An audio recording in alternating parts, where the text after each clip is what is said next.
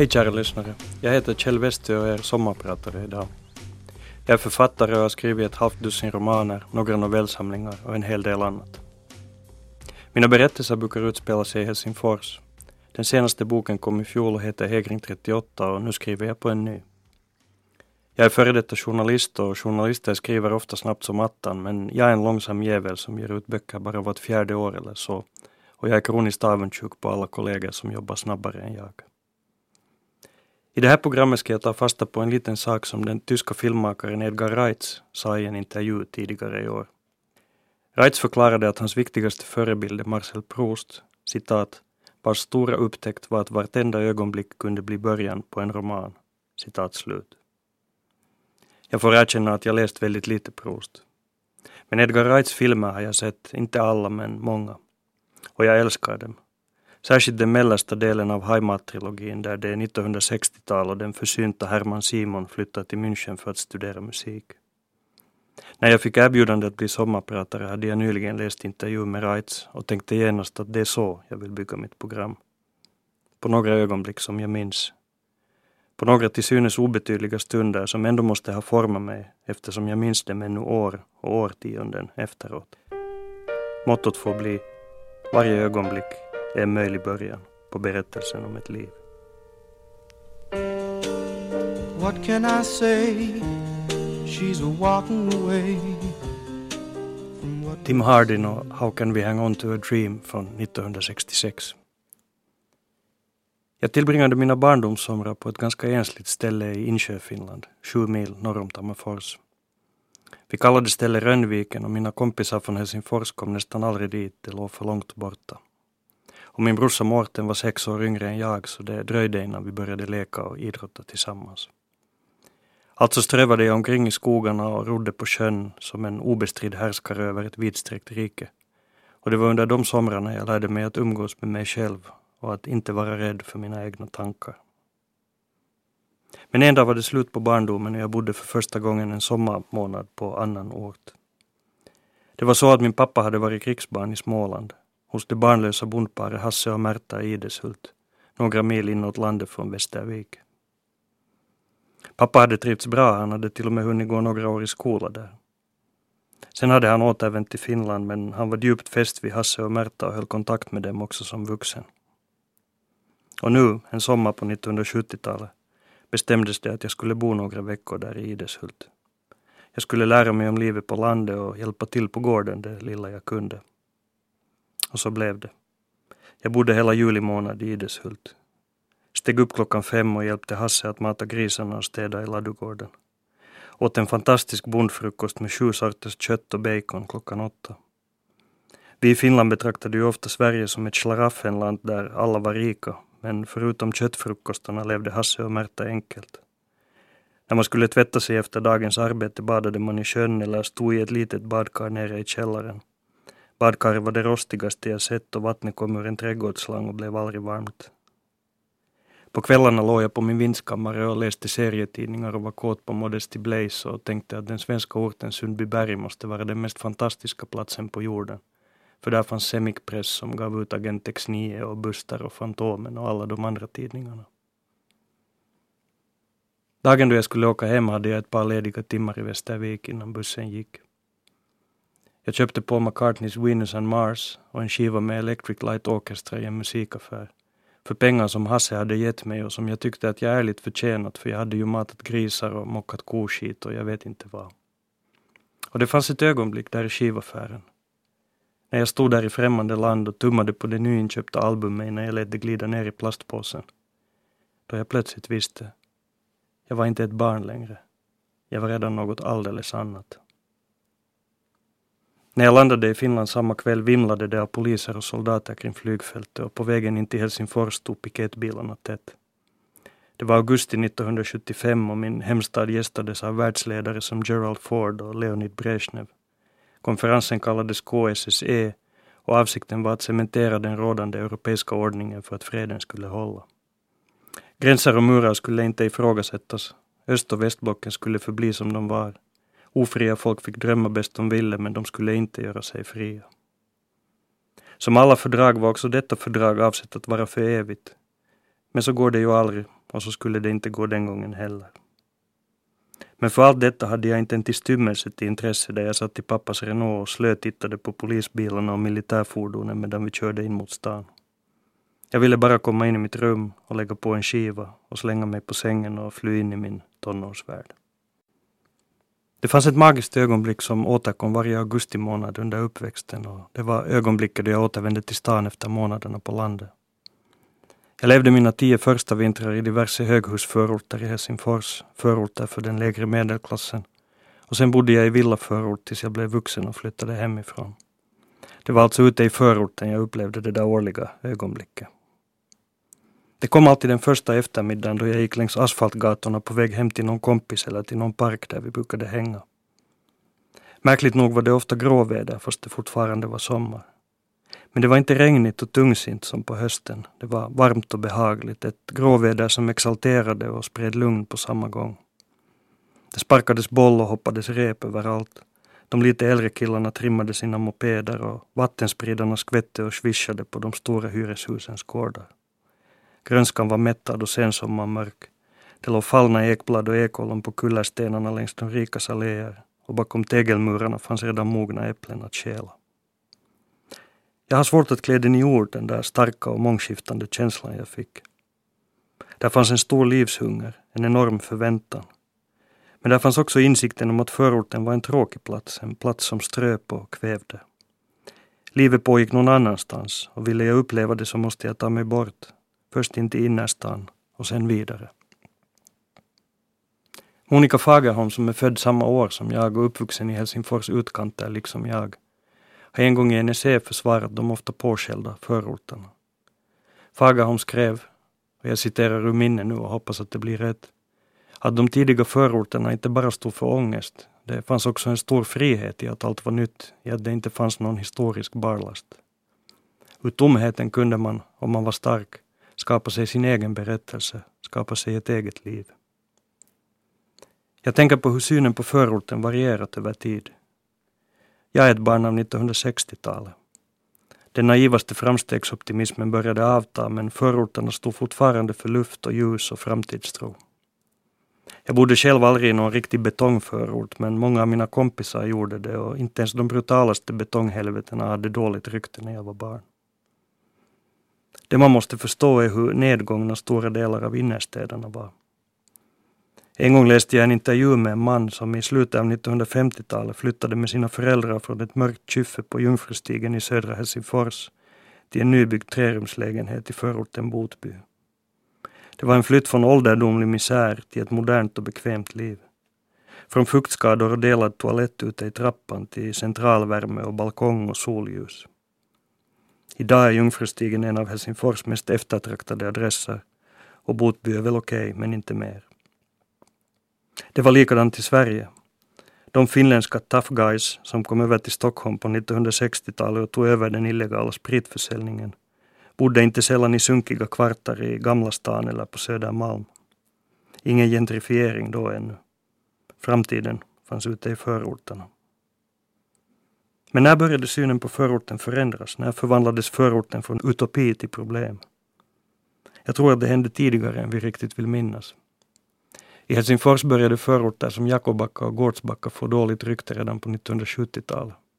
Ibland med fog, ibland utan skäl. I Stockholm satte punkbandet Ebba Grön fokus på Rågsved vid ungefär samma tid.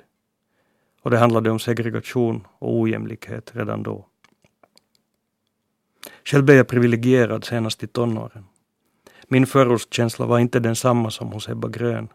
Det var mer medelklasspojkens frustration inför allt det nertystade och stumma där bland tegelvillorna. Och under hela min ungdom väntade jag på den poplåt som skulle fånga det där jag kände. Många låtar kom nära men ingen träffade riktigt rätt. Men så, när jag var nästan 50 och hade gett upp för länge sedan, kom den där låten äntligen. Träffande nog på ett album som heter The Suburbs, förorten.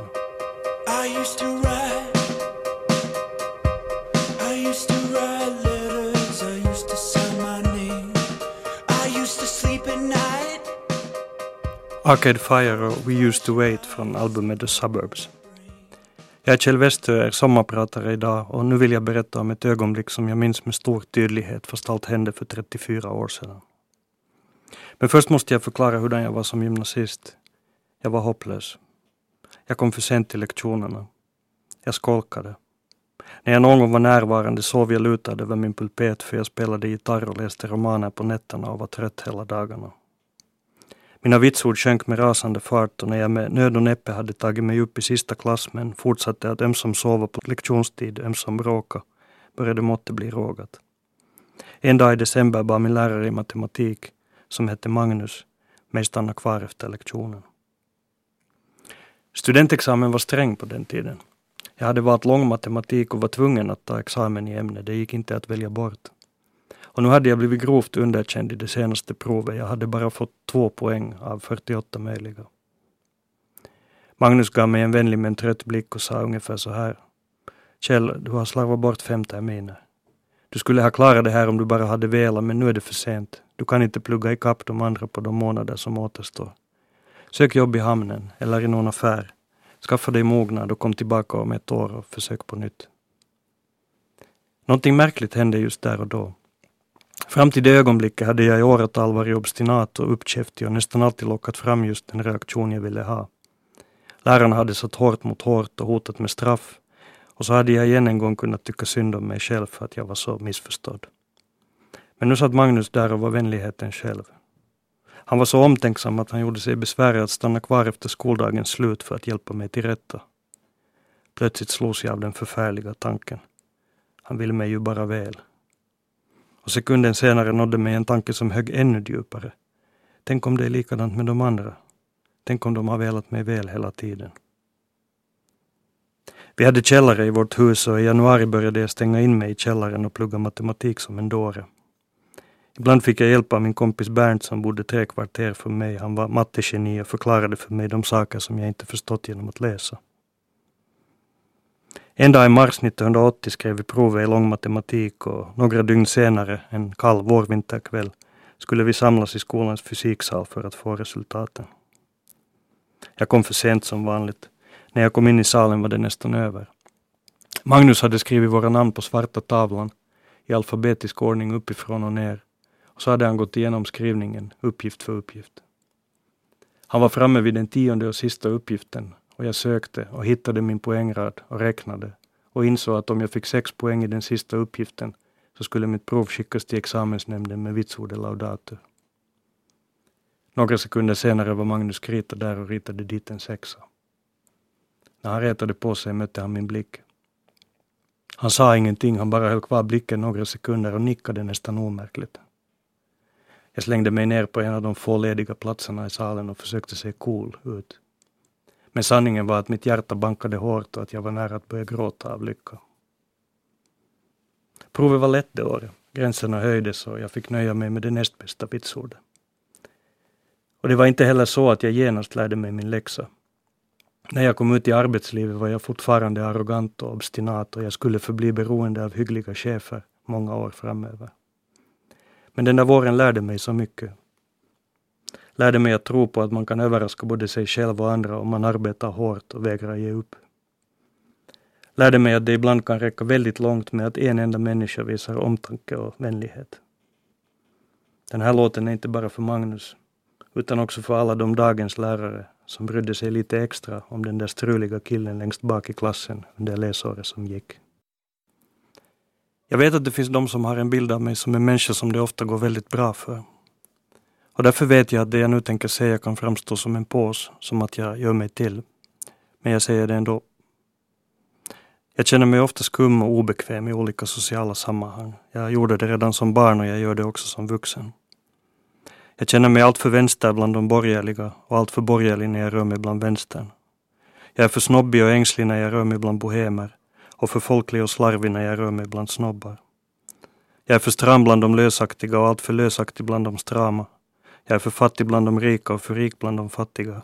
För finsk när jag är med svenskar och för svensk när jag är hos finnar. Jag har förstås vänner som vänder på det här och säger att det är precis tvärtom. Jag smälter ju in överallt, säger de. Jag är som Leonard Selig i Woody Allens film med samma namn. Jag blir alltid lik miljön omkring mig. Det är en skrämmande tanke och jag håller inte med. Jag står fast vid att det är min upplevelse som gäller. Den som säger att jag aldrig lyckas smälta in och vara sån som man ska vara. Men samtidigt måste jag vara realist också och erkänna att jag varit gynnad, att jag ofta haft tur i livet. Eller, det har väl gått lite upp och ner, så som det gör för de flesta. Men räknar man ihop plus och minus så står saldo just nu på plus. Det gör det. När man haft tur och det gått bra för en, då får man ibland chansen att umgås en stund med de riktigt, riktigt privilegierade. Man blir bjuden på lyxfest helt enkelt och då tackar man sällan nej utan man klär sig i sina finaste kläder och så går man till praktfesten och gör sitt bästa. Jag ska berätta om en sådan fest och om ett av mina pinsammaste sociala ögonblick i vuxen ålder.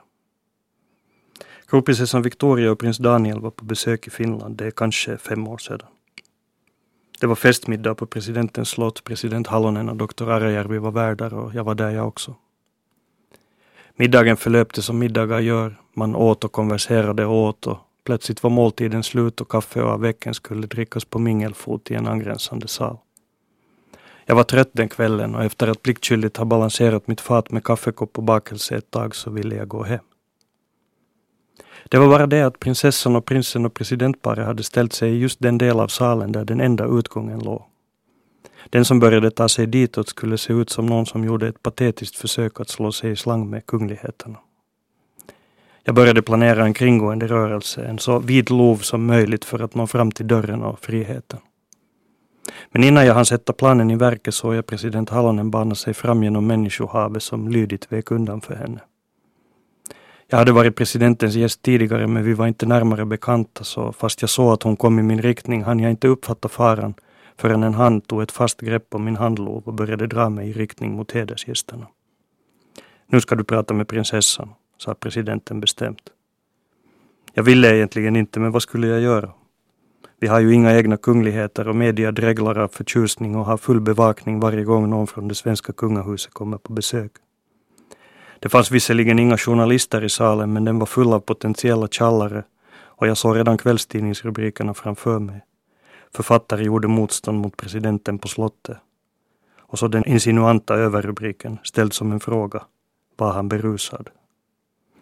Alltså förblev jag foglig och föstes fram till Victoria. President Halonen presenterade mig kort på svenska och vips så försvann hon i vimle. Kronprinsessan sa några artiga ord till mig på engelska och vände sig sen tillbaka mot killen som hon förde en livlig diskussion med. Han var i hennes ålder, kring 30 och var ledigt klädd och hade skäggstubb. Han kunde ha varit medlem i Finnish House Mafia om en sådan grupp funnits. Kronprinsessan och han pratade engelska sinsemellan. Flytande amerikansk engelska. Och fast jag är hyfsad på engelska jag också så lyckades jag inte förstå vad de snackade om. Jag stod kvar och försökte anlägga en förbindligt intresserad min samtidigt som jag kände hur ångestsvetten började rinna innanför min skjortkrage. Efter en stund drog sig Victoria till minnes att en ny figur hade förts fram till henne och vände sig till mig och sa något på engelska. Det dröjde alldeles för länge innan jag svarade. För det är ju det där struliga med högdjur. Man får absolut inte säga du till dem, men räcker det med ni? Eller ska det vara ers höghet, eller ers högvälborna excellens, eller något annat svulstigt? Och när jag väl bestämt mig och sa helt enkelt jag är svenskspråkig författare, kronprinsessan kan tala svenska med mig, så var det för sent för då hade Victoria vänt sig mot Finnish House Mafia igen och fortsatt deras samtal. Scenariot upprepades två gånger till. Victoria vände sig mot mig och sa några vänliga och rutinerade ord på engelska och jag svarade att jag talade svenska. Det var som om vi haft autopiloten påkopplad båda två. Hela tiden spanade jag förtvivlat efter någon som skulle kunna rädda mig, men det enda jag såg var okända ansikten och några av dem flinade lite i mjugg. Vilket inte var konstigt för nu rann svetten redan i strömmar ner längs min rygg och jag kände hur det hettade i ansiktet. Det hela grämde mig, för jag brukar klara av sådana situationer ganska bra. Jag är medborgare i en ung republik och egalitärt lagd och bryr mig ärligt talat inte speciellt mycket om kungligheter eller världsstjärnor eller miljardärer. Men den där pinsamma stunden på slottet blev för mycket för mig och om Victoria skulle råka minnas det ögonblicket, vilket är föga sannolikt, så minns hon antagligen att en gång när hon var i Finland så föste den dåvarande finska presidenten fram en i Finland bosatt brittisk författare till henne. Och den medelålders författaren blev sedan alldeles högröd i ansiktet och började svettas som en gris när han försökte imponera på henne genom att tala bruten svenska. En februari eftermiddag vintern 2010 korsade jag flera gånger Vasagatan i Helsingfors på samma övergångsställe. Tredje gången jag gjorde det så small det. Jag hann inte se något. Plötsligt bara kände jag hur någonting träffade mig hårt i smalbenet och i följande ögonblick låg jag vågrätt i luften för att bråkdelen av en sekund senare landa tungt på vänster sida. När jag låg där på den iskalla gatan och försökte förstå vad som hänt insåg jag snabbt att jag hade blivit nersparkad bakifrån. Han som gjorde det fanns kvar på platsen, tio steg ifrån mig. Han var storväxt, hade mörkt skägg och var klädd i kamouflagebyxor och grova svarta kängor. Nu intog han något slags kampställning när personen som jag promenerat med gick fram till honom och skrek Vad fan håller du på med? Det här skedde mitt under en tv-inspelning. Finska Yle spelade in en dokumentärfilm om förbudslagstiden och det var jag som ledde tittaren genom berättelsen. Orsaken till att jag passerade skyddsvägen flera gånger var att vi spelade in extra bildmaterial på mig och en forskare som jag nyss intervjuat. För att späda på ironin så var forskaren en brottshistoriker som jobbade vid polisen. Och just för att han var modig nog att agera så vet jag ganska säkert att våldsverkaren visste vem han sparkat ner. För när jag fortfarande låg på marken och forskaren gick mot mannen som sparkat, då fräste den senare hånfullt. Och vem är du då? Misshandeln skedde på ett ställe i Helsingfors som i folkmun kallas Spiritori, amfetamintorget. Där står nästan alltid en polisbil i något hörn och det gjorde det också nu och när våldsmannen vände på klacken och började springa längs Vasagatan följde polisbilen efter honom och haffade honom. Och så återvände de till torget där en av poliserna frågade mig om jag ville väcka åtal. Det var lindrig misshandel och det var jag, offret, som skulle väcka åtal, annars hände ingenting. Så jag stod där med smärtande revben och verkande armbåge och funderade en stund. Och sen sa jag att nej, jag låter bli, det är inte värt det. Och polisen sa vänligt att okej, okay, då tar vi honom till stationen och låter honom lugna ner sig några timmar. Och det var där jag gjorde fel. Men innan jag berättar hur jag tänkte då och varför jag senare förstått att jag tänkte dåligt vill jag säga några andra saker. Vissa detaljer i hur killen som sparkade ner mig var klädd och hur han betedde sig gör det möjligt, kanske till och med sannolikt, att han var nationalist, eventuellt en extrem sådan. Jag var en ganska känd författare redan då och hans motiv kan ha varit att han visste att jag var svenskspråkig och att det väckte hans vrede. Men det finns andra möjliga motiv. Jag har aldrig dolt att jag har vänsteråsikter, visserligen ambivalenta sådana, men säkert tillräckliga för att reta upp någon som står längst ut till höger. Men det är också tänkbart att han var en extrem anarkist från yttersta vänsterkanten som såg mig som representant för en dekadent och korrupt borgerlighet. Så pass diffus är jag politiskt. Och så finns ännu möjligheten att killen bara hade en dålig dag och var förvirrad och så kände han vagt igen någon som syntes ofta i media. Varför känns det viktigt för mig att säga det jag just sa? För att jag vill vara noga med nyanserna. För att jag inte vill skapa onödig rädsla för att jag inte vill skapa fler fördomar än de som redan finns. Vi lever i en orolig tid och det finns alldeles för många svartvita resonemang och grova förenklingar i omlopp. Så många europeiska länder kämpar just nu med samma problem. Det är växande samhällsklyftor, det är polarisering och segregation. Och så är det all bitterhet och misstänksamhet och ja, allt hat som detta väcker. Finland är inget undantag och vi finlandssvenskar, landets mest inflytelserika minoritet, har fått känna av det. Men det är viktigt att komma ihåg att det också finns en tolerant och öppen finsk tradition. Den traditionen blev synlig på ett fint sätt våren 2013 då kända kvinnor utsattes för grovt näthat för att de var finlandssvenskar eller för att de försvarat svenska. Då publicerade Helsingin Sanomat till och med texter på svenska för att visa sitt stöd. Och en av de viktigaste aktörerna var journalisten Saska Saarikoski. Det var han som startade hela stödkampanjen med en tweet som gick ungefär så här. Nu får det räcka. Jag heter Saska Öfors. Vad heter du? Och nu ska jag spela en låt med en av de finaste sångerskorna vi haft.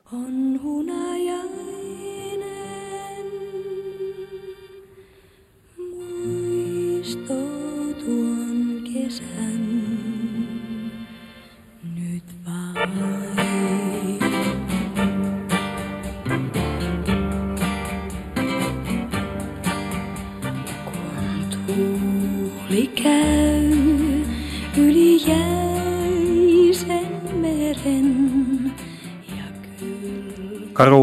Finlandssvenska Carola med efternamnet Standardchild, och hennes version av A Taste of Honey från 1965.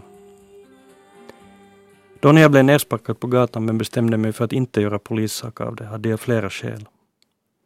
Jag tänkte på att jag var så pass känd som författare att en rättegång skulle bli löpsedelsstoff för kvällstidningarna. Och på löpsedlar vill jag inte vara.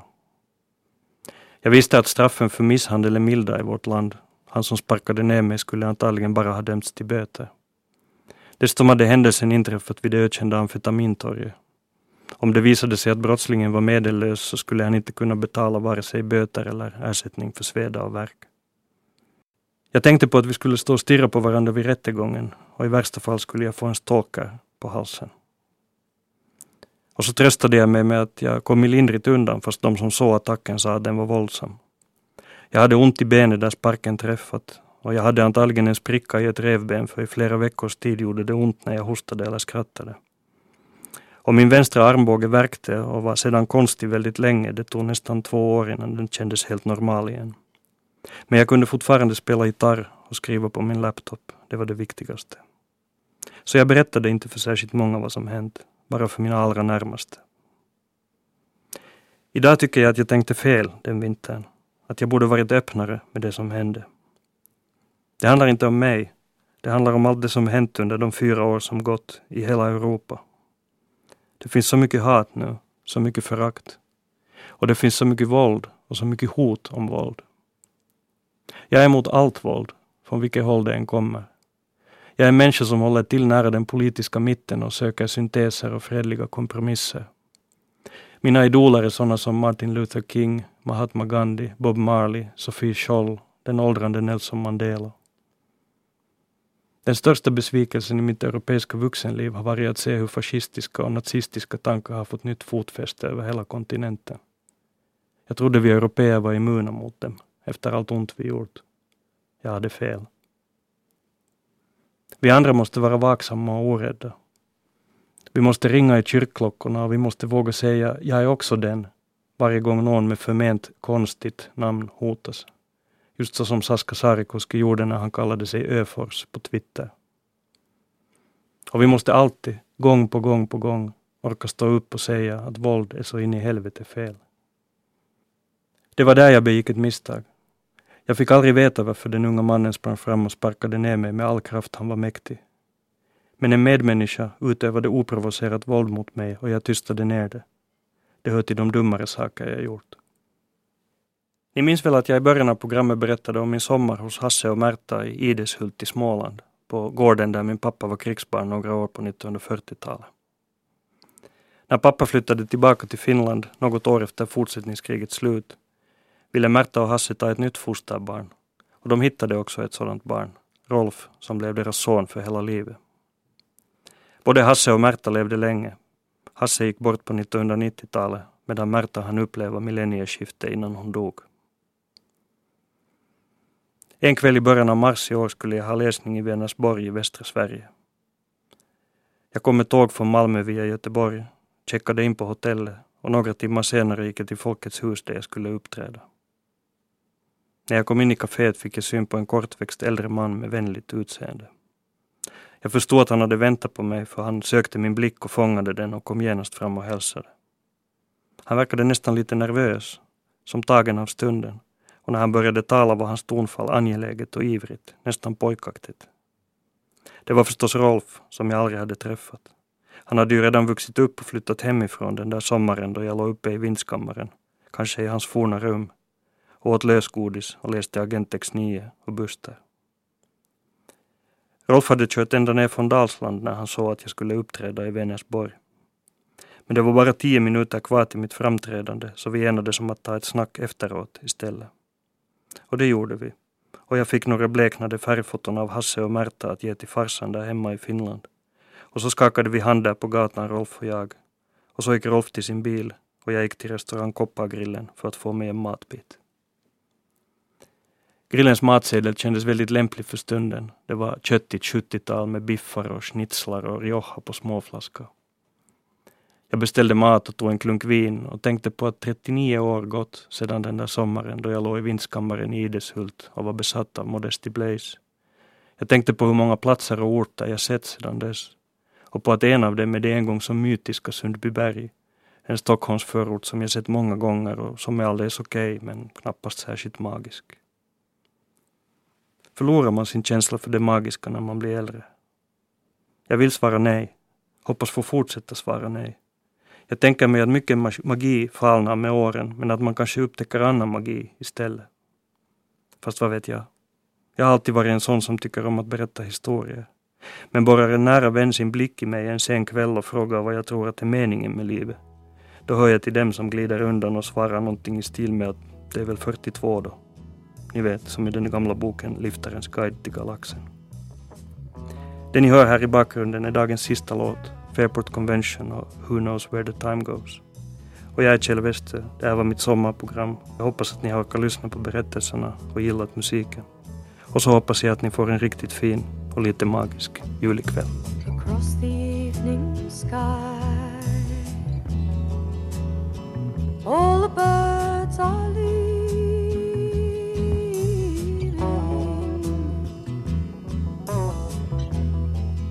how can they know?